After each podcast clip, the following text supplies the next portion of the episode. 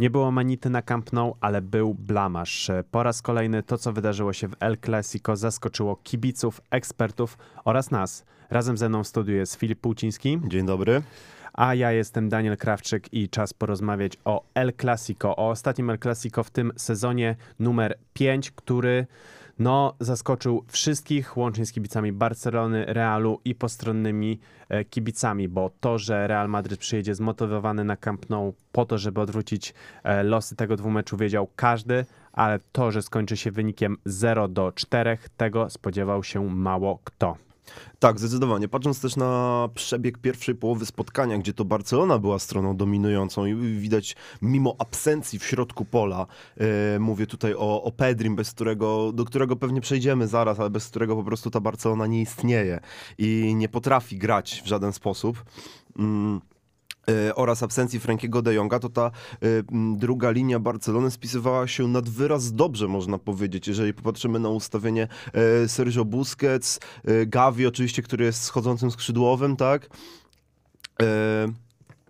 Cassie y, i Sergi Roberto. Y, Sergi Roberto, który też przełamał się, prze, przełamał się ostatnio, w ostatnim klasyku, na pewno na Camp Nou, tym, tam, tam był, y, były to rozgrywki ligowe, strzelił bramkę, w tym spotkaniu nie pokazał nic, no ale, ale też trzeba przyznać, że tam wszystko funkcjonowało. Były problemy zdecydowanie w ataku, ale, ale nic nie wskazywało na to, po pierwszej połowie, jasne, gol do przerwy, mm, fantastyczna, fantastyczna kontra Realu Madryt, tam już nikt praktycznie nie pozostał, tam został tylko y, Araujo i, i Kunde.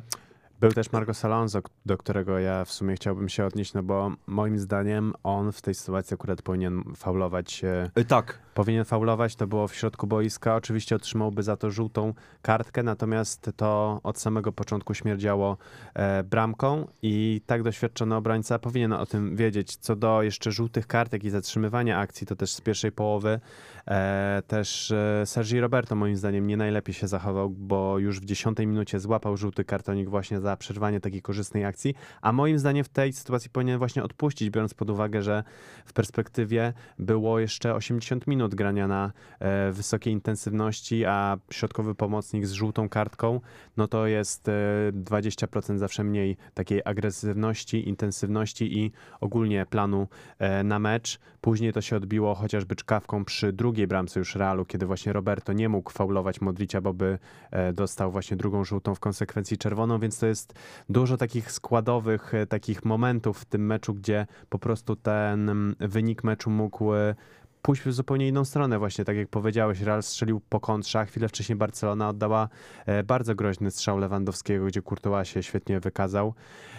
No i to był ten moment zwrotny, bramka do szatni, no i tylko możemy spekulować, co w tych szatniach się wydarzyło, ale zdecydowanie chyba lepiej swoich piłkarzy natchnął do drugiej połówki właśnie Carletto. Carleto zdecydowanie, ale też jeżeli byśmy mieli patrzeć i mielibyśmy e, być dziennikarzami teraz załóżmy marki, asu, hiszpańskiego sportu i wystawiać noty piłkarzom za ten mecz, to ja bym nie chciał być w takiej sytuacji, nie wiem jak ty, dlatego że ciężko mm, wystawić notę za, za, za całe spotkanie jednemu piłkarzowi. Przykładowo, ym, przykładowo Luka Modric. Luka Modric, który kompletnie nie działał w pierwszej połowie spotkania, miał kilka niezłych podań, ale jak na jego standardy to nie było, to nie było dobre, to nie było wystarczające, a w drugiej połowie, no to tutaj pokazał się prawdziwy geniusz tak naprawdę, jakby pokazał się ten Luka Modric, którego wszyscy znamy i, i generał i, i, i, mózg całego zespołu tak naprawdę. Więc mm, o co mi chodzi? Chodzi mi o to, że ten mecz miał swoje dwie odsłony i, i, jak już wcześniej wspomnieliśmy, pierwsza i druga połowa i, i ci, ci, piłkarze naprawdę zagrali dwie, dwa różne Dwie, dwa różne spotkania, można tak naprawdę powiedzieć, bo, bo, bo, tego nie mogę nazwać tego połowami. Dwa różne spotkania, które, e, które no przesądziły o, o, o, losie, o losie Barcelony, dlatego że mam wrażenie, że na drugą połowę, kompletnie wyłączając fakt tego, że bramka została strzelona do przerwy, e, to w drugiej połowie defensywa Barcelony kompletnie nie grała. Busquets właśnie przykładowo e, obok Luki Modricia Busquets, który w pierwszej połowie grał naprawdę dobrze i rozprowadzał te piłki, wracał się do obrony, kontrolował drugą linię e, w pierwszej połowie, w drugiej połowie już kompletnie go nie było i kompletnie został, no, nie mogę nawet powiedzieć wyłączony z gry, dlatego że jak spojrzymy na drugą bramkę Karina, Karima Benzemy, to on był tam bez skrycia. Ka- Całkowicie bez skrycia na 16 metrze przed bramką Barcelony miał pełną, pełne pole widzenia. Nie był w ogóle zasłonięty, nie miał w ogóle zasłoniętej bramki przez nikogo, tylko przez Mark-André ter Stegena. Można powiedzieć, że, że miał sytuację sam na sam. Jasne, brzmi to dziwnie, jeżeli mówimy o, o, o, o strzale z 16 metrów, no ale pamiętamy, że to jest wielki Karim Benzema, tak? To jest, to jest napastnik, który, który nie potrzebuje du dużo miejsca i na pewno obrońcy Barcelony wiedzieli to, bo musieli wiedzieć. Nawet jak tego, nawet, nawet jak o tym nie było wspominane, to był to piąty klasyk w tym sezonie. Yy, wszystkie były z Karimem Benzemą, jeżeli dobrze pamiętam. Tak, wszystkie były z Karimem, z Karimem Benzemą. Oprócz finału? Super pół... W, strzelił bramkę. Strzelił, okej. Okay. Strzelił bramkę mhm. wtedy Karim Benzema. Więc, więc obrońcy Barcelony musieli o tym wiedzieć. I, I co się stało przy drugiej bramce, bo to też jest takie kuriozum tej sytuacji. Busquetsa nie ma, nikt się nie wrócił z drugiej linii. Modric y, trzech zawodników Barcelony na skrzydle ograł jak chciał tam brakowało tylko siateczki, mam wrażenie, ale tam chyba była la krokieta, jakieś triki, po prostu wyszedł spod tego pressingu perfekcyjnie. I przy Karimie Benzem, przy, przy, przy Karimie nikogo nie było z zawodników Barcelony. Był tylko Jules Koundé, który jako jedyny mógł zasłonić chociaż odrobinę światło bramki tak, żeby na przykład Ter Stegen zrobił krok w jedną stronę, bo wiedział, że drugą stronę ma, ma, ma pokrytą. Ale Jules Koundé się wywrócił. Ale Jules Koundé się wywrócił i, i, i to był w, w, ogóle fatalny... No właśnie, i pierwsza połowa obrony Barcelony według mnie dobra, dlatego, że tam rąka poszła z kontry. Tam już ciężko było cokolwiek zrobić, prawda?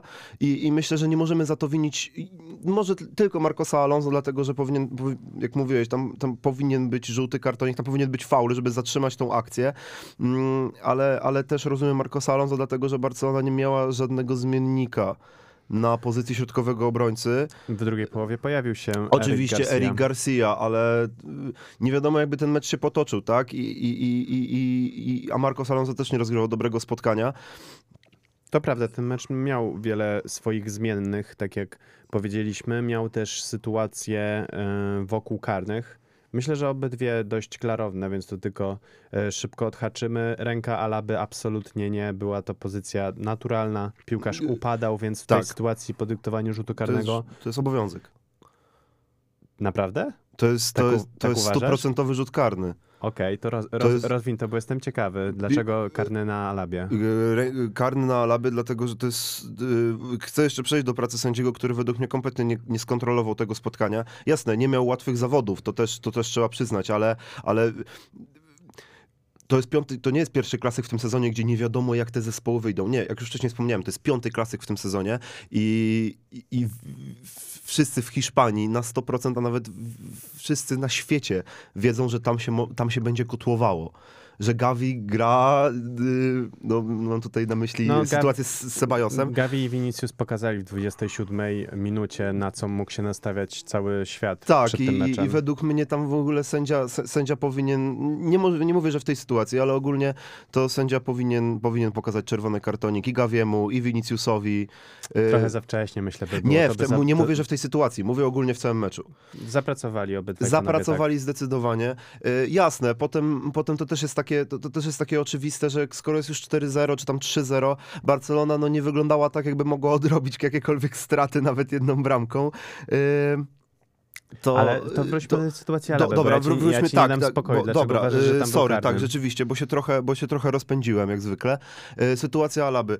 Tam ręka jest ułożona całkowicie nienaturalnie. On, on jedzie w ślizgiem, dla mnie, jedzie, yy, Alaba jedzie w ślizgiem i, I, ta ręka jest podpierana o, o boisko, chociaż, jest w, chociaż zawodnik jest w pozycji leżącej. To, to, to, to, jest, to, jest, to jest rzut karny. I ja mogę ci przytoczyć dwie, trzy sytuacje, w których taki rzut karny był podyktowany. Lub też y, kontrowersyjnie nie było podyktowanego karnego i wtedy każdy, cały świat się oburzał, dlaczego tak jest. Pierwsza sytuacja przychodzi mi do głowy sprzed kilku sezonów. Mecz Juventus AC Milan. Aleksandro, wtedy, yy, Aleksandro, nie, pamię nie, można nie pamiętać tej sytuacji, też ciężko mi teraz ją przytoczyć, żeby tutaj każdy wiedział, o co mi chodzi.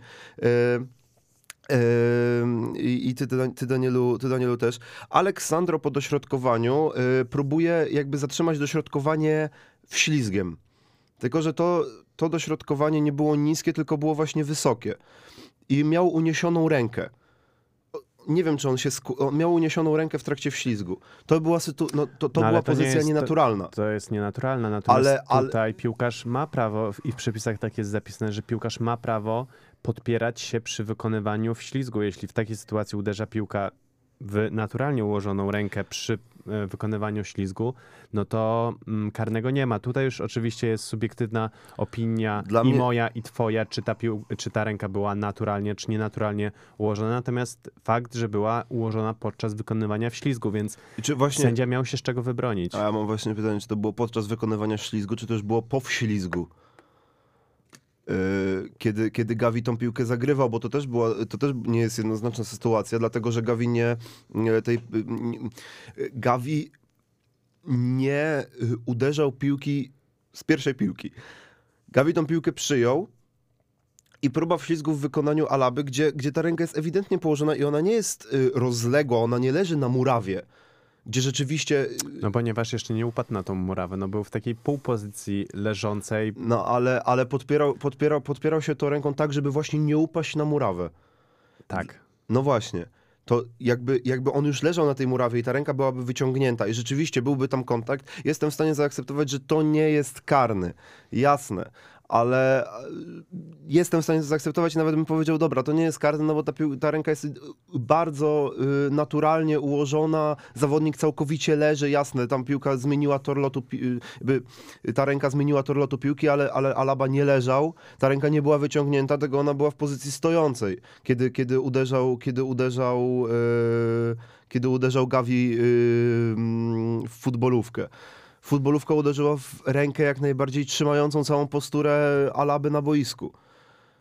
Okej, jakby rozumiem twoje tłumaczenie, ja mam e, inną opinię, natomiast po to jest piłka nożna i te kontrowersje, żebyśmy mogli na ten temat dyskutować. A karny Cassiego? No chyb, chyba tak, bardzo miękki, bo widać, że Vinicius wykorzystał ten ruch. mięciutki, ruch ale, ale, Kessiego. ale, ale, ale Kessie, Kessie w ogóle tam nie powinien atakować. To Nie powinien tak wsadzać głęboko nogi, bo dał pretekst po prostu Dał Winiemu, pretekst żeby całkowicie mięciutki, ale, ale, ale, ale ten karny, ten karny się, ten karny za, za, zasłużony, no nie ma, wiesz, nie ma, nie ma co o, o, czym, o czym rozmawiać tam. E, Mnie dziwi tylko jedynie to, że Kessie został zmieniony dlatego, że był dla mnie najlepszym zawodnikiem Barcelony na boisku w pierwszej połowie. To prawda, moim zdaniem Jedyne co źle sytuacji... zrobił, to po prostu za głęboko, y, za głęboko wsadził tą nogę przy, przy ko koło Viniciusa i, i dał idealny pretekst do karnego. Mm.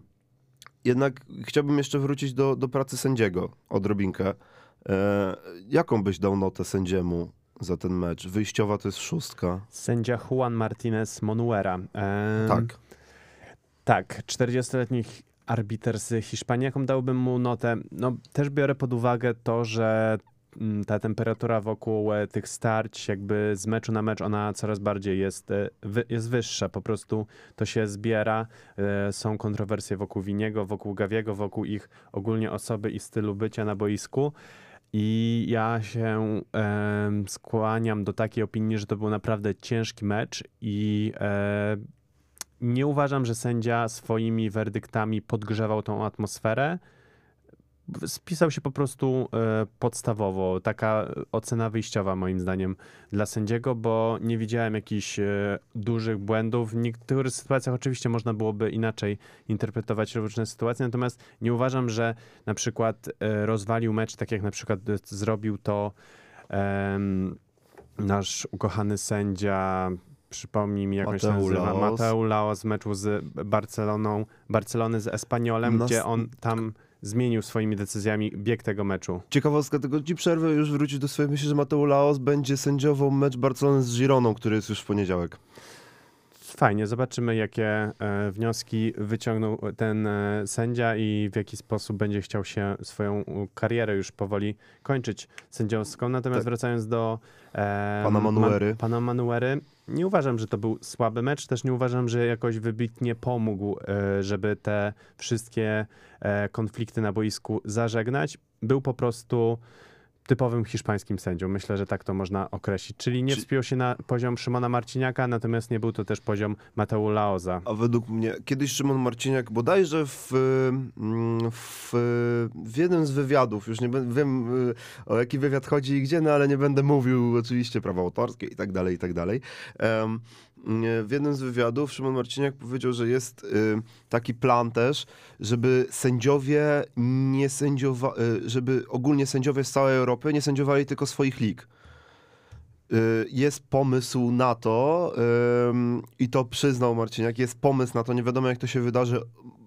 Pan Szymon mówił, że bardzo by chciał, żeby, żeby taki pomysł był, bo, bo chciał sobie kiedyś na przykład, tam wspomniał bodajże o derbach Mediolanu posędziować, gdzie też się kotuje, to wszyscy wiemy. Y, Jest plan na to, żeby, żeby sędziowie byli przypisywani do różnych meczów, żeby oni latali po tej Europie. Jasne, no to jest strasznie męczące, bo, bo, nie, nie, bo jakby to, jest, to jest praca 2-4 na 7 tak naprawdę, gdzie ty masz różne mecze. Yy, ale wspomniał, i tak może się wydawać, ale wspomniał o jednej rzeczy, na te większe mecze, żeby byli najlepsi sędziowie Europy. I myślę, że w takim meczu, przykładowo właśnie, taki Szymon Marciniak by się przydał. Dlatego, że on by idealnie rozporządził tą sytuacją, a, a hiszpańscy sędziowie się, się do tego nie nadają. Według mnie mm, to, co się aktualnie dzieje w meczach El Clasico, w meczach y, Realu i Barcelony, w meczach Barcelony z Realem, to przerasta hiszpańskich sędziów. Oni, nieważne jaki to byłby sędzia, oni nie potrafią nad tym zapanować. Yy, Kiedy mecz układa się trochę spokojniej, to oni dają radę. Nie mówię tak, że oni kompletnie nie dają radę, oni dają radę. Ale kiedy trzeba, kiedy można się spodziewać tego, że może się zaraz zakotłować, że a co jeżeli nie wiem, Barcelona strzeli trzy bramki, a co jeżeli właśnie Real strzeli cztery, bo strzelił cztery i zaczną się kłócić zawodnicy, no bo takie mamy, takie jest specyfika tych meczów, no to co wtedy? To taki, to czy taki sędzia da radę, y, da radę zagwarantować, da radę zagwarantować, czy, czy taki sędzia, jakikolwiek sędzia hiszpański zagwarantuje względny, i to podkreślę, względny spokój na tym boisku. Bo, bo trzeba też przyznać, że według mnie ten sędzia nie, nie jest na szóstkę, tylko on jest według mnie na cztery y, w skali, w skali z wyjściową szóstką w skali 1-10, y, dlatego że po pierwsze mm, ani razu nie podszedł do waru, w ogóle nie zobaczył. Pokazywał Busquetsowi pudełeczko, y, y, jak pokazują sędziowie, że idą do waru. Przy tej pierwszej sytuacji z Alabą? Mm, nie, chyba gdzieś, chyba, chyba gdzieś, gdzieś później. Teraz dokładnie nie pamiętam, yy, gdzie, gdzie, gdzie to było, kiedy to było, ale po, pokazywał Busquetsowi, Busquetsowi pudełeczko, czyli yy, gestem, gestem, gestem palcami, czyli, czyli wtedy, czyli, oczywiście chodzi o VAR, no ale z tego VARu, czy on rzeczywiście korzystał, bardzo szybkie decyzje.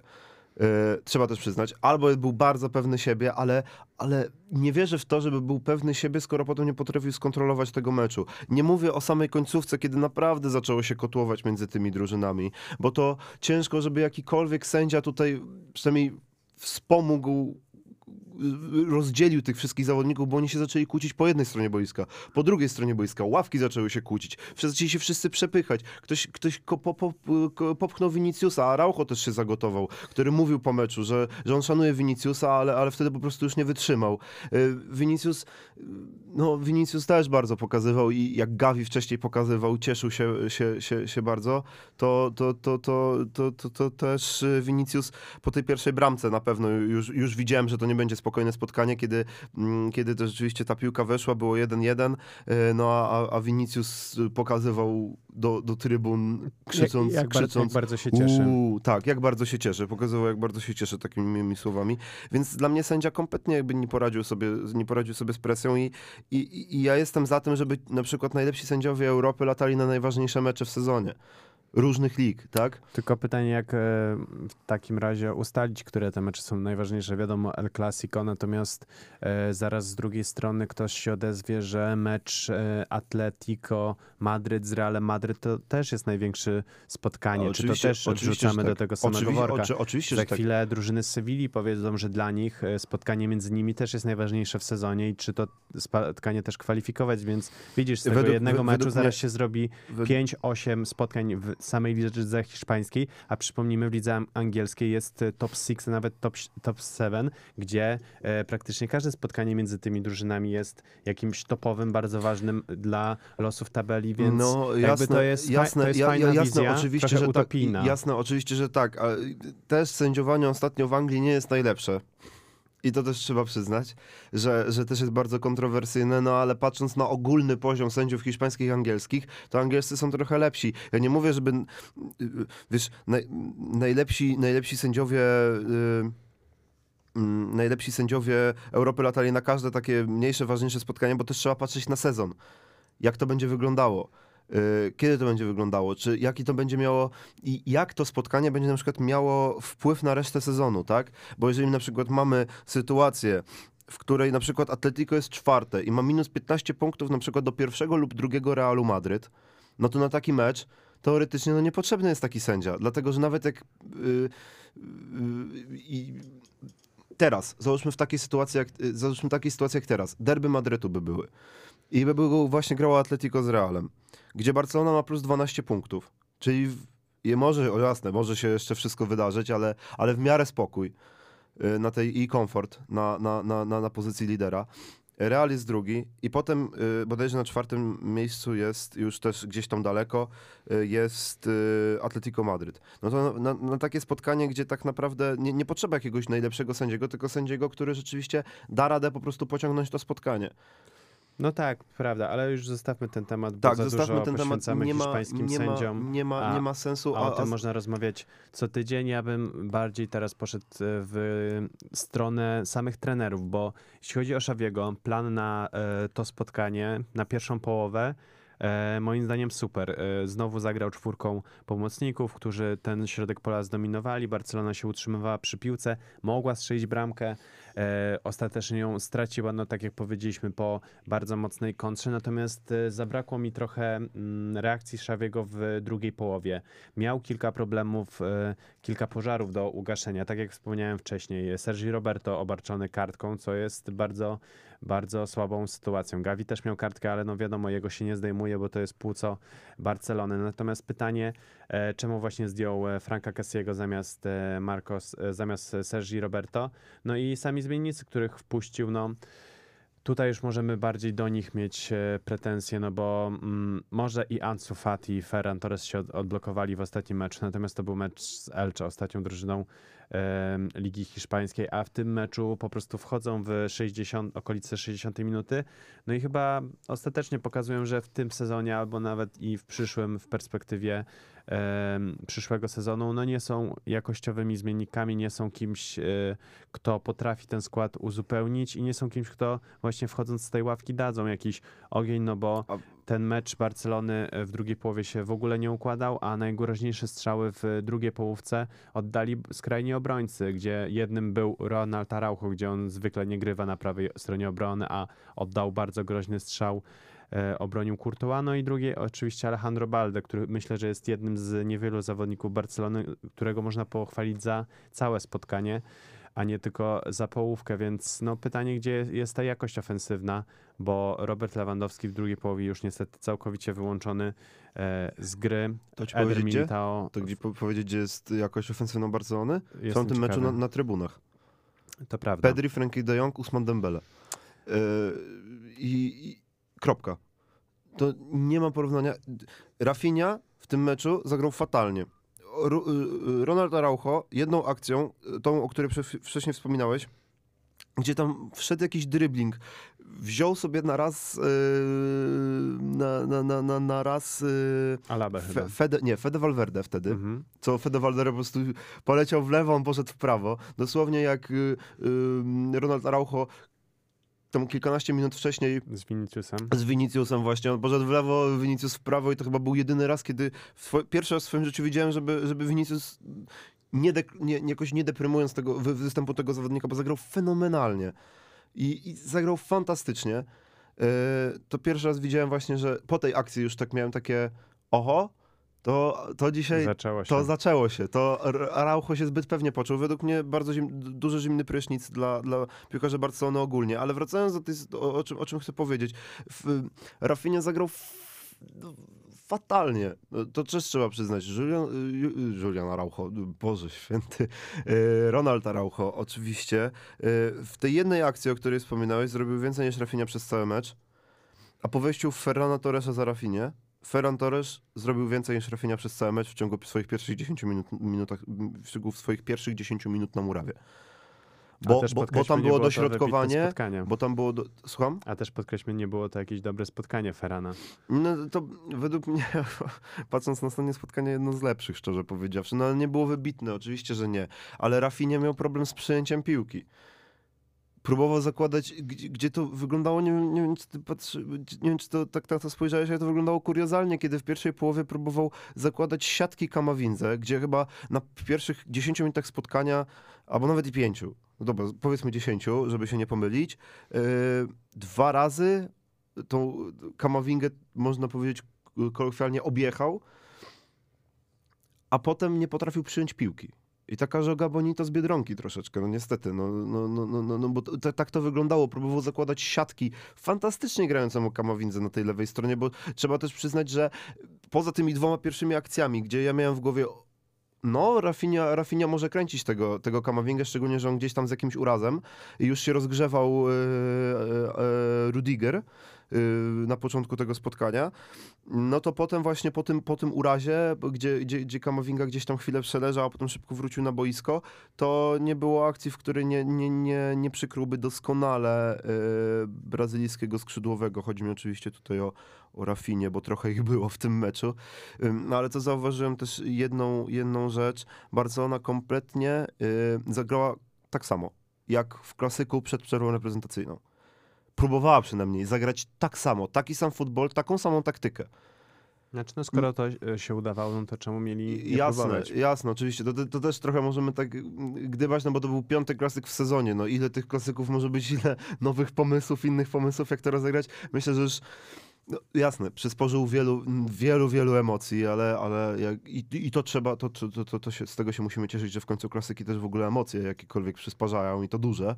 I to ogromne. Ja takich emocji, tak patrząc też na to, co się w, na boisku dzieje, jak wrzało między piłkarzami, to przypomniało mi się takie stare, dobre e, pojedynki Mourinho jeszcze, Tak. jak był na ławce Realu, gdzie naprawdę tam też się kotłowało i te wydarzenia pozaboiskowe często e, bywały na równi z tymi boiskowymi, więc e, naprawdę fajnie się to ogląda i też e, tak, wydaje mi się, że takie ikoniczne momenty się pojawiają, jak właśnie rywalizacja Winiego z Araujo, jak rywalizacja Roberta Lewandowskiego z e, Ederem Militao, to będą takie pary starcia, które będziemy pamiętać przez lata, E, ale też e, w, kontekście tego meczu trzeba przyznać, że Barcelona zagrała chciała zagrać to, co jej się udawało w tym sezonie, czyli właśnie gra z czwórką pomocników, ale trzeba pr- przede wszystkim powiedzieć, że najważniejszym elementem tej wygranej Realu było to, że wreszcie Real zagrał na swoim poziomie, bo w poprzednich klasykach e, Barcelona grała fajnie, natomiast trzeba było podkreślać, że ten Real był słaby. Tutaj Real natomiast wszedł na swój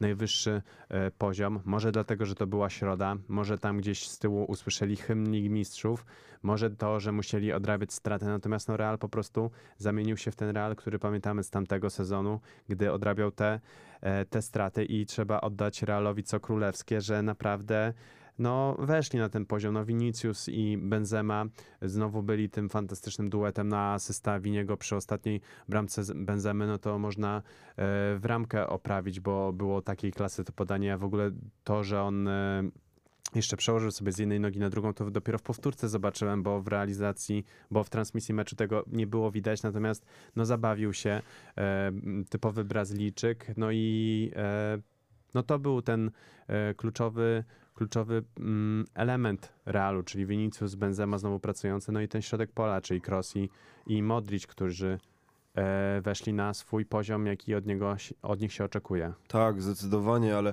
chciałem, chciałem jeszcze jeden aspekt a propos nauki na błędach, bo Carletto odrobił lekcję. E, Pierwsza połowa. E, Najprostsze rozwiązanie, jakie może być, czyli po prostu wpuszczenie normalnego, ofensywnego skrzydłowego, czyli Rodrigo. Rodrigo potem został zmieniony. Mm, Ale, ale, ale, ale Rodrigo, Rodrigo został e, zmieniony potem, ale co widziałem w pierwszej połowie i tak powiedziałem do mojego znajomego. e, o, patrz, Carletto odrobił lekcję, ponieważ z trzy razy widziałem piłkę do wchodzącego na skrzydło, niepilnowanego przez nikogo, bo też niestety trzeba tak to nazwać, mm, właśnie Rodrygo. Piłka prosta i Balde kompletnie, kompletnie nie potrafił wrócić. A tam wtedy był Marcos Alonso. Gdyby był Christensen, na pewno to by inaczej troszeczkę wyglądało, ale tam był Marcos Alonso i według mnie Marcos Alonso w tym, w tym spotkaniu zagrał jak słup soli. Y, Nie wiem, czy pamiętasz taką piłkę z prawej strony boiska w pierwszej połowie, kiedy y, już próbował bardzo ekwilibrystycznie dotknąć jeszcze tej piłki Rodrygo, ale nie zdążył i Ter Stegen ją złapał. Takie dośrodkowanie przecinające dwie linie. Nie pamiętam, być może sięgałem wejście, wejście kompletnie ze środka, ze środka boiska Rodrygo i komplet, bez spalonego nie przypilnował go yy, kompletnie Marcos Alonso. Kilka razy mieliśmy takie piłki, raz prawie skończyło się bramką, kiedy poszła piłka właśnie na skrzydło do Rodrygo, gdzie już Carletto wiedział, że Balde będzie grał ofensywnie. Na, na szczęście Realu tam był y, Marcos Alonso, a nie Christensen, ale nawet jeżeli byłby tam Christensen, to myślę, że mega dużo by też nie zrobił, dlatego że te piłki były bardzo mocne. Rodrygo jest o wiele szybszy i też potrafi y, zagrać dobrą piłkę do wchodzących graczy Realu w pole karne ze skrzydła. Y, no i zagrał taką piłkę, że prawie Vinicius strzelił i wtedy Ronald Araujo jakoś niesamowicie wybił tą piłkę. Y, takie, że jeszcze ona dotknęła Viniciusa i, był, i było, była ostatecznie piątka, wpadając na słupek i wtedy plecami. No takich sytuacji było dużo. Było jeszcze właśnie Marco As- Asensio w drugiej połowie, gdzie to też Tak. Stegen akurat obronił. No umówmy się, to, to spotkanie mogło się skończyć manitą, mogło się skończyć y, 0 do 6. No natomiast wniosek płynie jeden i, y, i prosty, że Real po prostu zasłużył sobie na to zwycięstwo y, właśnie szczególnie drugą połową. No i słusznie zagra w finale e, finału, w finale Pucharu Króla, a zmierzy się tam z Osasuną, która dość sensacyjnie powiedzmy e, ograła Athletic Bilbao. A jeśli patrząc na mm, Real Madryt, no to przed nimi teraz e, rywalizacja w Lidze Mistrzów przede wszystkim, bo jest jeszcze oczywiście ligowe starcie z Villarreal w weekend, natomiast e, w środę Real Madryt podejmie u siebie Chelsea, Chelsea, która wie, co się dzieje Chelsea, to wszyscy wiedzą. Ostatnio się też zmienił trener, więc szczerze mówiąc nie wiemy, czego się możemy spodziewać. Ciekawym faktem jest to, że to Frank Lampard jest zatrudniony na, Cyrk na do, na dokończenie tego sezonu. Czy Frank Lampard jest odpowiednim człowiekiem do gaszenia pożarów? E, no nie wiem. Natomiast e, na pewno Real Madryt jest w gazie i e, myślę, że z jeszcze większej pozycji faworyta podchodzi do, do tego e, spotkania. Czy chciałbyś coś dodać, Filip? Tak, chciałem dodać tylko dwie rzeczy. Właśnie, że Real Madryt zdobył taką pewność teraz. Na pewno królewscy zdobyli mega dużą pewność, taką też pozytywny feeling w szatni po tym spotkaniu, no bo ograli w końcu tą Barcelonę. No Nie mogli od trzech spotkań jej, ogrę, jej ograć, ale trzeba też przyznać, że to był y, w ciągu trzech miesięcy, to był czwarty klasyk. Dużo. Dużo, y, zdecydowanie y, dużo. Y, No a co pozostaje? Pozostaje Po- czekać po- na po- kolejny klas, po- który już będzie za pół roku, więc Tak, teraz tak, odetchniemy więc sobie trochę- trochę od tych emocji. Tak, zdecydowanie. Ale co pozostaje robić kibicom Barcelony? Pozostaje tylko robić to, co robiło całe Camp Nou w 10 minucie tego spotkania. Messi, Messi. Tak, co do Jeż- tego wątku jeszcze na pewno Wró- na pewno wrócimy. wrócimy w audycjach. Wrócimy i wrócimy, wrócimy też z dużym kopem, bo sytuacji jest dużo. Messi, sprawa Negreiry, Tebas, ale to już nie dzisiaj, dlatego że rozmawiamy już oj 40 minut, więc powoli niestety musimy, musimy kończyć naszą audycję. Real gromi Barcelonę, powtórzmy to po raz ostatni. 4 do 0 i wielki Karim Benzema. Barcelona była, jest zdecydowanie na kolanach. My dziękujemy za tą audycję. To było Palacio del Futbol w Radiu Pałac, a przy mikrofonach byli Daniel Krawczyk. i Filip Płuciński. Wpadajcie jeszcze do nasze social media, na Instagrama, yy, na Facebooka, na Spotify'a oraz na naszą stronkę yy, w internecie radiopałac.pl. Do usłyszenia. Cześć.